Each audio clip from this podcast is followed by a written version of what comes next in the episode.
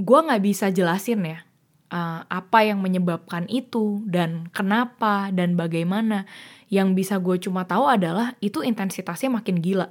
Jadi dari yang tadinya tuh uh, gue digangguin misalnya pas lagi tidur doang atau pas gue lagi sakit panas terus gue udah mulai ngigo. Sekarang gue kalau lagi gue nonton TV misalnya, gue bisa tiba-tiba berasa kayak ada di dua dunia gitu kayak dunia halusinasi dan di dunia nyata ini yang sekarang gue tahu gue lagi nonton TV gitu. Semuanya, selamat datang di podcast Abjad Tersirat dan kembali lagi sama gue Yunita alias Acing Dan terima kasih untuk kalian yang udah nungguin episode gue selama tiga minggu belakangan ini Nah, di episode ini tapi gue mau menceritakan tentang tema spiritual nih. Jadi entah itu spiritual dalam artian mistis ataupun uh, yang berbau spiritual dengan uh, pencipta kita gitu ya. Kalau lo percaya ada Tuhan di dunia ini. Nah, tapi sebelumnya uh, gue mau ngasih background dulu gitu bahwa gue sebenarnya asli orang Jakarta, gue lahir di Jakarta. Cuma bokap nyokap gue itu lahir di Bangka dan uh, karena mereka tuh keturunan Tionghoa ya dan juga uh, mereka tuh kepercayaannya Kongfucu jadi akhirnya uh, setiap tahun tuh ada suatu tradisi bernama cengbeng. Ya sebenarnya sih cengbeng tuh kayak apa ya? Kayak ziarah ke makam leluhur aja sih gitu. But anyway, kemarin tuh tuh gue pulang ke Bangka itu adalah kepulangan gue setelah 21 tahun tidak pulang gitu kan. Sekarang gue mungkin mulai dulu dengan cerita apa yang terjadi di Bangka. Jadi kemarin itu di Instagram story gue sempet cerita gitu bahwa ada satu hal mistis yang terjadi waktu gue ke Bangka. Singkat cerita sebenarnya begini, uh, eh, gue itu dari kecil entah kenapa memang cukup sensitif gitu loh. Um, gue anak keempat gitu ya dan gue sama anak yang ketiga nih berarti kakak gue. Kita tuh berdua yang paling sering digangguin dan yang paling sering uh, ngerti each other gitu kalau udah diganggu-gangguin. Nah, gue tuh digangguin dari kecil tuh bukan cuma uh, dalam bentuk penglihatan doang gitu. Uh, bukan cuma itu aja, cuma gue tuh kayak bisa ngerasain kayak kalau misalnya gue masuk ke suatu ruangan dan ini ruangannya wah ini gue bukan ngadi-ngadi atau halu nih emang emang aneh nih. Nah itu biasanya emang ada gitu. Nah waktu gue uh, bolak-balik Bangka gitu waktu masih kecil, uh, eh, gue pernah tuh ngalamin hal-hal mistis gitu, terutama di rumah kakek nenek gue. Nah ini gue nggak akan ceritain karena gue pernah ceritain ini di uh, podcastnya si Mr. Popo, Do You See What I See? Dan lo ketik aja rumah kungkung dan itu tuh rilis pas lagi zaman-zaman pandemi awal gitu loh tahun 2020. Tapi anyway, selain itu juga um, gue tuh kayak pernah mengalami suatu apa ya? Suatu momen di mana baik itu di mimpi ataupun gue misalnya lagi bengong, gue tuh berasa kayak ada yang ngejer-ngejer gue gitu, kayak uh, makhluk gede, hitam, dan pas gue dikejar-kejar itu, gue tuh lari, udah cepet banget. Tapi pas gue ngeliat di sekitar gue, semuanya tuh tiba-tiba jadi pelan slow motion gitu loh. Uh, udah gitu tuh gue berasa lama-lama gue makin kecil, makin kecil, tapi di sekitar gue tuh semuanya makin gede dan suaranya tuh somehow amplified gitu. Kayak kayak lu tau gak um, lu misalnya lagi nyalain TV terus nggak taunya TV lu tiba-tiba suaranya jadi gede banget. Nah gue sama kakak gue tuh berdua sama triggernya. Kalau misalnya gue denger TV tiba-tiba suaranya jadi gede banget. Nah itu gue langsung keinget atau mungkin bisa masuk ke dalam mental state waktu gue masih kecil itu kayak yang gue dikejar-kejar I don't know lah, whatever it is, gue gak tau setan atau apa, tapi kayak makhluk gede hitam gitu. Nah, akhirnya karena memang gue cukup sensitif lah ya waktu masih kecil, kadang-kadang tuh masih kebawa sampai sekarang. Dan salah satunya nih yang mau gue ceritain adalah saat gue lagi uh, nginep di hotel selama gue ke Bangka. Hotelnya ini gak akan gue sebutin namanya ya, untuk menjaga privasi. Tapi intinya uh, di hotel ini sebutnya nama hotelnya A Si Hotel A ini uh, dulunya nama lama, udah eksis emang gedungnya dari tahun 90-an tapi akhirnya di refurbish lagi, diperbaharui di tahun 2019 kalau nggak salah. Nah, uh, eh, gue kan nggak tahu ya maksudnya ternyata hotel ini ada ada punya dua gedung karena di waktu gue um, mau reserve kamarnya ya kelihatan cukup decent lah, nggak nggak tua-tua banget. Tapi ternyata pas gue nyampe sana dan gue ngeliat oh ternyata di dalam si building tua ini kamar yang gue pilih. Nah ini nih awal cerita nih ya waktu gue baru nyampe Bangka. Gue tuh tuh nyampe sana kan uh, diantar dan dijemput ke mana-mana tuh sama om gue yang lagi merencanakan pensiunnya di Bangka. Jadi akhirnya uh, dia nemenin gue nih buat ke resepsionis. Dia ngomong nih ke gue kayak, eh lu kalau misalnya pas di sini minta kamarnya yang bener ya gitu. Dia cuma ngomong gitu doang. Dan akhirnya dikasih lah kamar yang udah gue reserve dan nggak di kamar yang building lama gitu. Nah om gue pas dia tahu gue di kamar itu on the spot bilang nih ke resepsionis, e, bisa nggak ini di upgrade aja nih ke kamar yang building baru gitu kan terus kan gue bingung ya maksudnya kayak aduh kayak dalam hati gue tuh ini apa sih ngerepotin orang banget gitu ngapain lo kayak gitu tapi ya udahlah ya just for the sake of nggak ribut dan biar ini cepet kelar akhirnya gue cuma ngomong nih ke resepsionisnya ya mbak kalau misalnya nggak ribet boleh nggak saya ngelihat kamar yang lama sama kamar yang di gedung baru gitu ya udah dong kasih lihat Nah pas dibuka kamar yang gedung lama itu tuh sebelah resepsionis doang sebenarnya.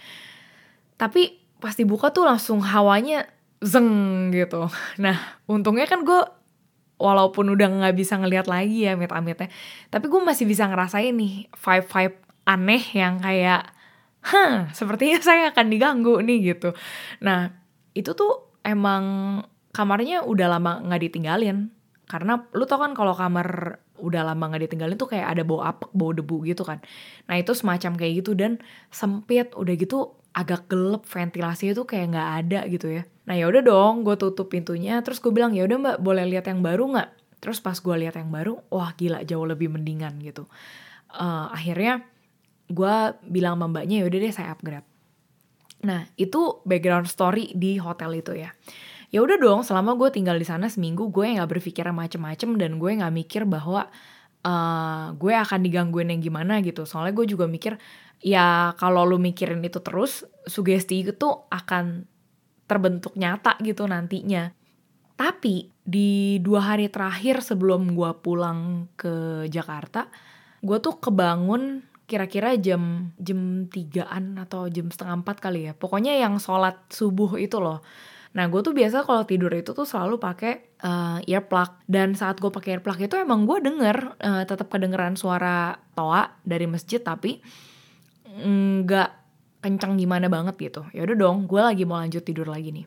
Cuma di tengah-tengah suara suara toa masjid itu, gue denger ada suara teriakan tuh kenceng banget di kuping gue, di kuping kiri gue.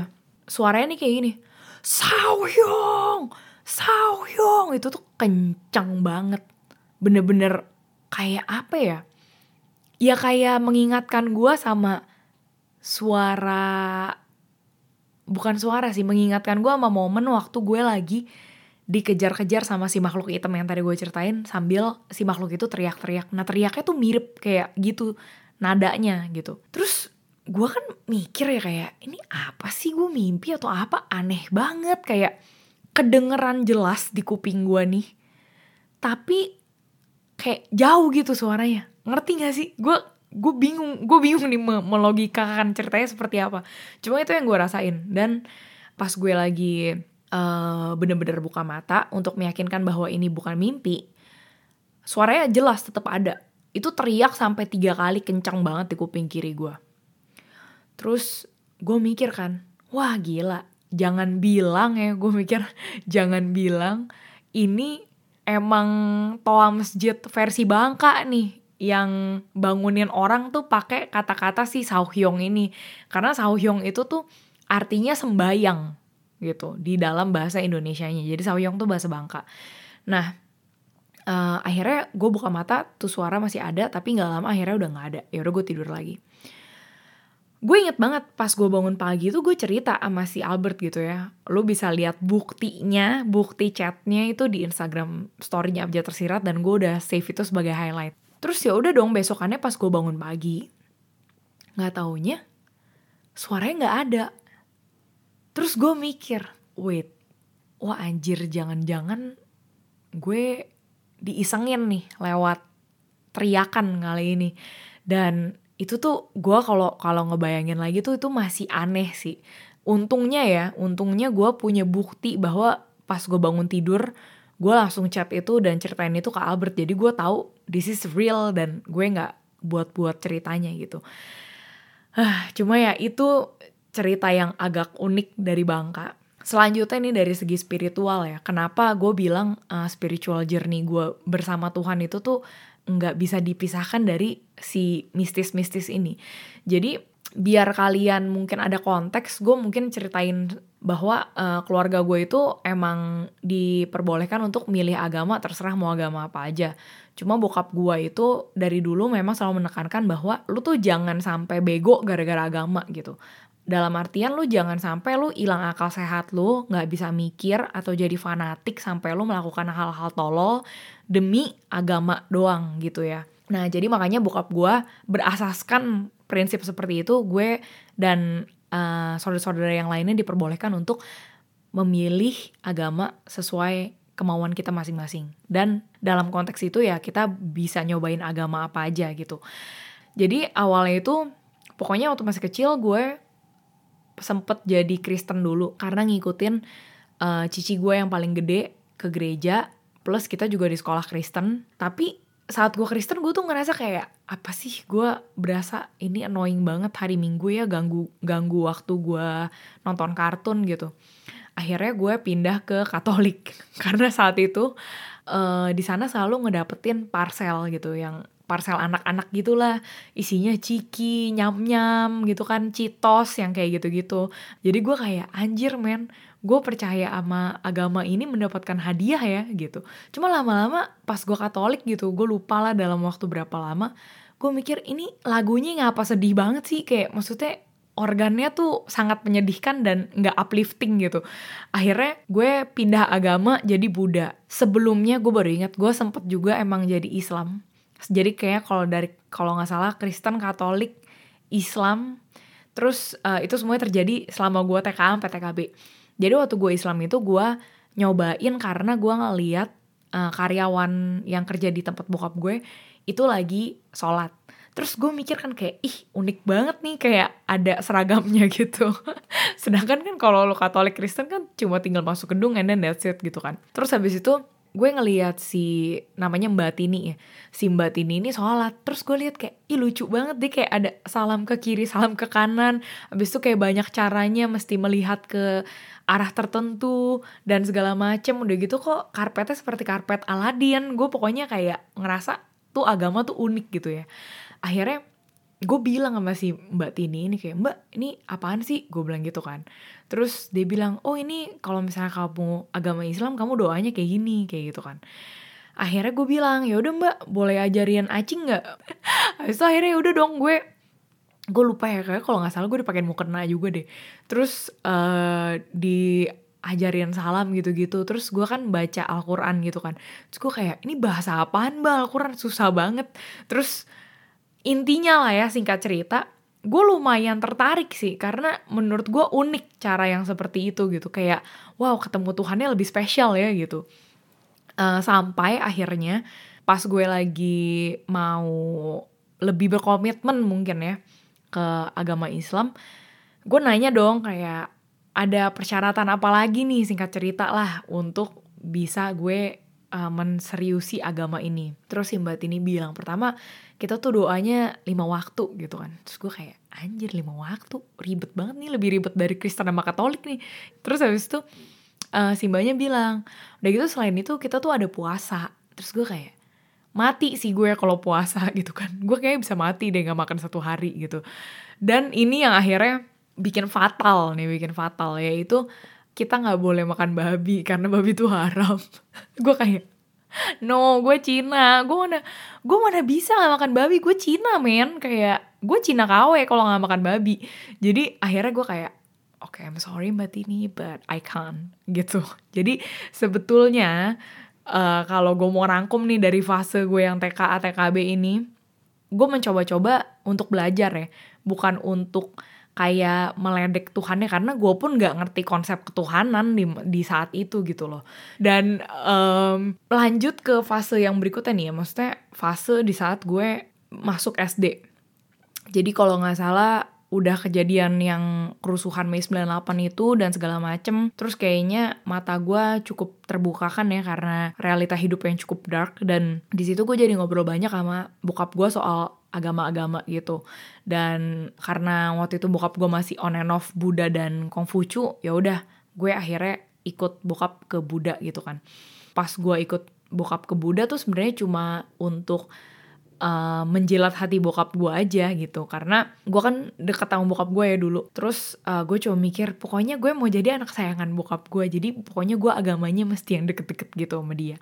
Nah ya udah akhirnya makanya gue uh, jadi Buddha saat itu. Kayaknya ya dua tiga tahunan lah gue jadi Buddha. Tapi jujur waktu gue ke vihara segala macem gue masih agak nggak gitu ngerti sama konsep ibadahnya. Karena menurut gue konsep ibadahnya agak membingungkan gitu. Uh, sampai akhirnya gue kan tadi udah cerita nih ya waktu masih kecil tuh gue sempet dikejar-kejar makhluk hitam yang tadi gue ceritain. Pas kelas 3 SD itu peaknya yang paling ancur. Jadi gue nggak bisa jelasin ya uh, apa yang menyebabkan itu dan kenapa dan bagaimana yang bisa gue cuma tahu adalah itu intensitasnya makin gila. Jadi dari yang tadinya tuh uh, gue digangguin misalnya pas lagi tidur doang atau pas gue lagi sakit panas terus gue udah mulai ngigo sekarang gue kalau lagi gue nonton TV misalnya gue bisa tiba-tiba berasa kayak ada di dua dunia gitu kayak dunia halusinasi dan di dunia nyata. Ini yang sekarang gue tahu gue lagi nonton TV gitu. Akhirnya uh, cici gue yang jadi guru sekolah minggu di saat itu udah jadi guru uh, langsung doain gue gitu. Doain gue dan uh, di saat itu tuh gue nangis gitu. Kayak gue nggak tahu gue nangis kenapa. Gue juga jamin pengertian gue akan Tuhan atau damai sejahtera dan segala macam tuh masih nggak sedalam sekarang. Tapi gue berasa kayak something tuh keangkat gitu. Dan uh, cici gue pokoknya menutup dengan doa yaitu uh, dia bilang Tuhan Yesus tolong jaga anak ini dalam darahmu gitu Nah itu tuh gue langsung yang kayak, deng, oke, okay, gue masuk Kristen deh gitu. Karena di situlah gue mungkin mengenal rasa yang tenang, rasa yang damai gitu ya. Dan itulah akhirnya yang menjadi transisi gue sampai detik ini gitu. Cuma banyak banget journey gue tuh sama Tuhan. Dan kalau misalnya mau gue jelasin, mungkin ada fase belajar teorinya doang, dan ada fase prakteknya ngelaksanain itu di kehidupan nyata sesuai sama uh, apa yang gua dan Tuhan mau gitu loh within our own relationship. Tanpa dikutik-kutik pendeta tanpa dikutik-kutik uh, komunitas gereja dan segala macamnya nah uh, di sini gue sebenarnya mau sedikit menutupnya dengan satu observasi kecil gue saat gue ke Bangka ya. Uh, dan ini ada hubungannya sama spiritualisme Tadi kan gue udah bilang ya bahwa sekarang nih gue lagi fase kayak praktek gitu sama Tuhan.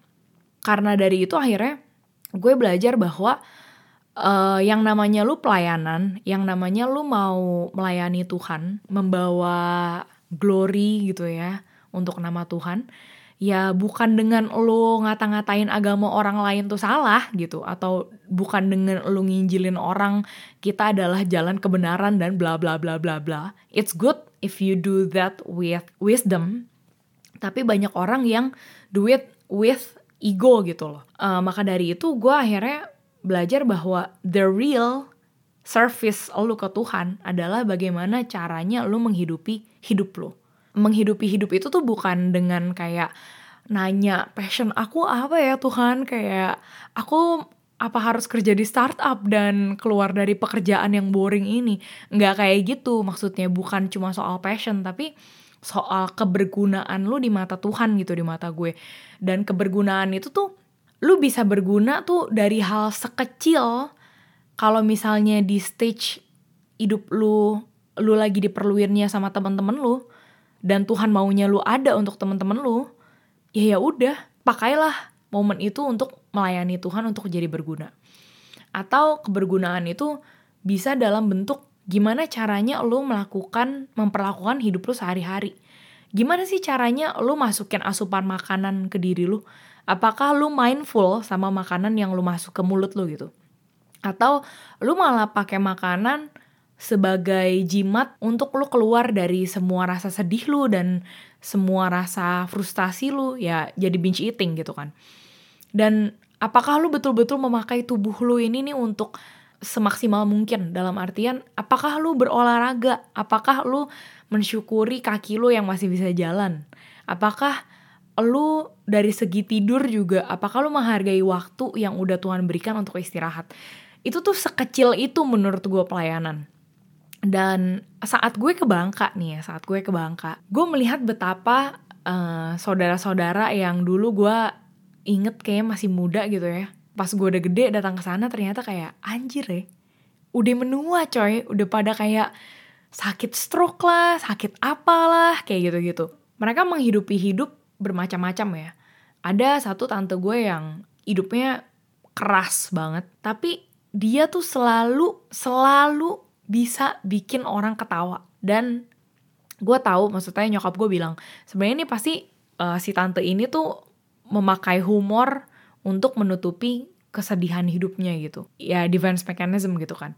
Tapi setidaknya dia memberikan keceriaan untuk orang-orang di sekitarnya gitu walaupun hidupnya susah. Dan ada nih kayak tante jauh gue gitu udah kaya raya Uh, jadi kalau di Bangka tuh orang tuh lumayan tajir karena lu main timah gitu. Dan anak-anaknya ini main timah, tapi waktu dia ketemu sama kita semua, dia itu bitter banget.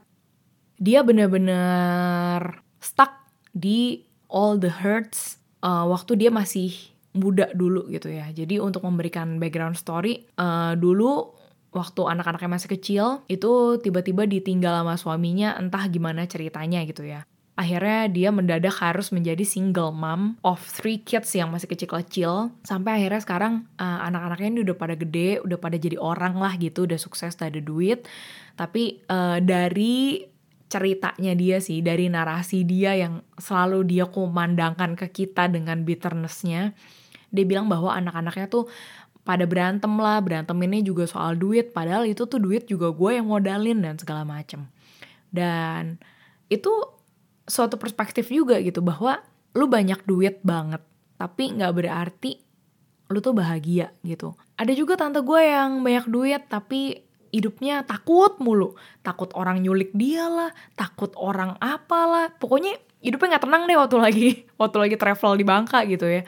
Dan akhirnya gue menyokap gue nih uh, nyokap gue juga jadi mempertanyakan gitu kayak iya ya gue udah tua tuh mau jadi apa ya? gitu dan gue sendiri karena melihat karena gue pulang ke Bangka itu kan dalam rangka cengbeng ya siarah makam. Jadi kayaknya kematian tuh dekat banget gitu sama gue kayak di mana mana gue mainnya ke kuburan gitu kuburan hopping gue di sana.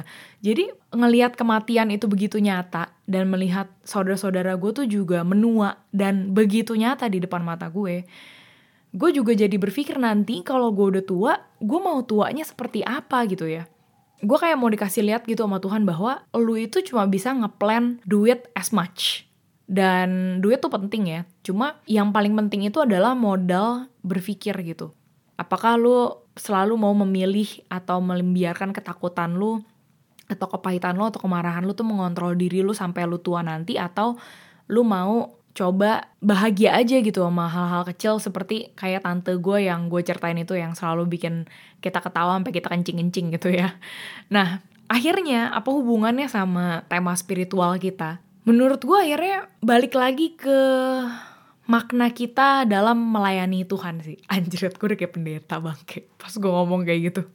Tapi ini pas banget juga ya gue ngerilis ini pas lagi Jumat Agung nih hari Jumat.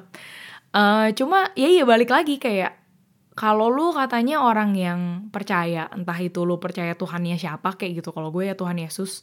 Tapi melayani itu tuh bukan cuma lu jadi MC singer atau lu jadi usher atau lu jadi kayak pelayan gereja gitu, tapi gimana caranya lu bener-bener melayani di dalam hidup lu gitu, dalam hal-hal terkecil, bahkan itu dari dari pikiran pun itu tuh lu melayani Tuhan gitu. Dan di mata gue, spiritual itu bukan cuma soal agama ya dan juga bukan soal uh, berapa sering lo ke gereja, berapa sering lo sholat, berapa sering lo ke tempat ibadah lo, berapa kali lo selesai baca kitab lo gitu. Nggak nggak cuma itu doang, tapi gimana caranya lo bener-bener bertemu dengan Tuhan in another level yang bukan cuma lu dapetin dari khotbahan-khotbahan pendeta lu atau pemuka-pemuka agama atau teman-teman komunitas ibadah lu gitu. Dan ya gue nggak tahu ya state hidup lu sekarang seperti apa. Cuma di mata gue cara lu untuk bertemu dengan Tuhan lu atau memperkuat iman lu tuh banyak banget caranya. Gak cuma dengan satu cara yaitu nih ritual agama kita nih kita ikutin aja terus sampai bego. Tapi enggak, tapi bisa cross religions, cross beliefs, cross culture gitu. Kalau misalnya kita mau lebih membuka opportunity dan juga mau ngeliat apa yang hal-hal kecil apa yang ada di sekitar kita gitu. Hopefully untuk kalian yang merayakan minggu-minggu Paskah, episode ini bisa memberikan lo sebuah insight di dalam spiritual journey lo. Tapi kalau misalnya lo nggak merayakan minggu Paskah juga nggak apa-apa sih. Kayaknya obrolan soal kepercayaan dan agama tuh kayak emang memang harus dinormalisasi ya karena kalau misalnya kita nggak pernah buka diskusi atau obrolan kayak sejujur ini gitu kemungkinan besar ya kita cuma bisa mikir bahwa kepercayaan kita aja yang paling bener So, thank you for listening dan minggu depan gue akan merilis episode baru untuk segmen monolog terbaru di podcast Abjad Tersirat. So stay tuned and I'll see you for next episode. Bye.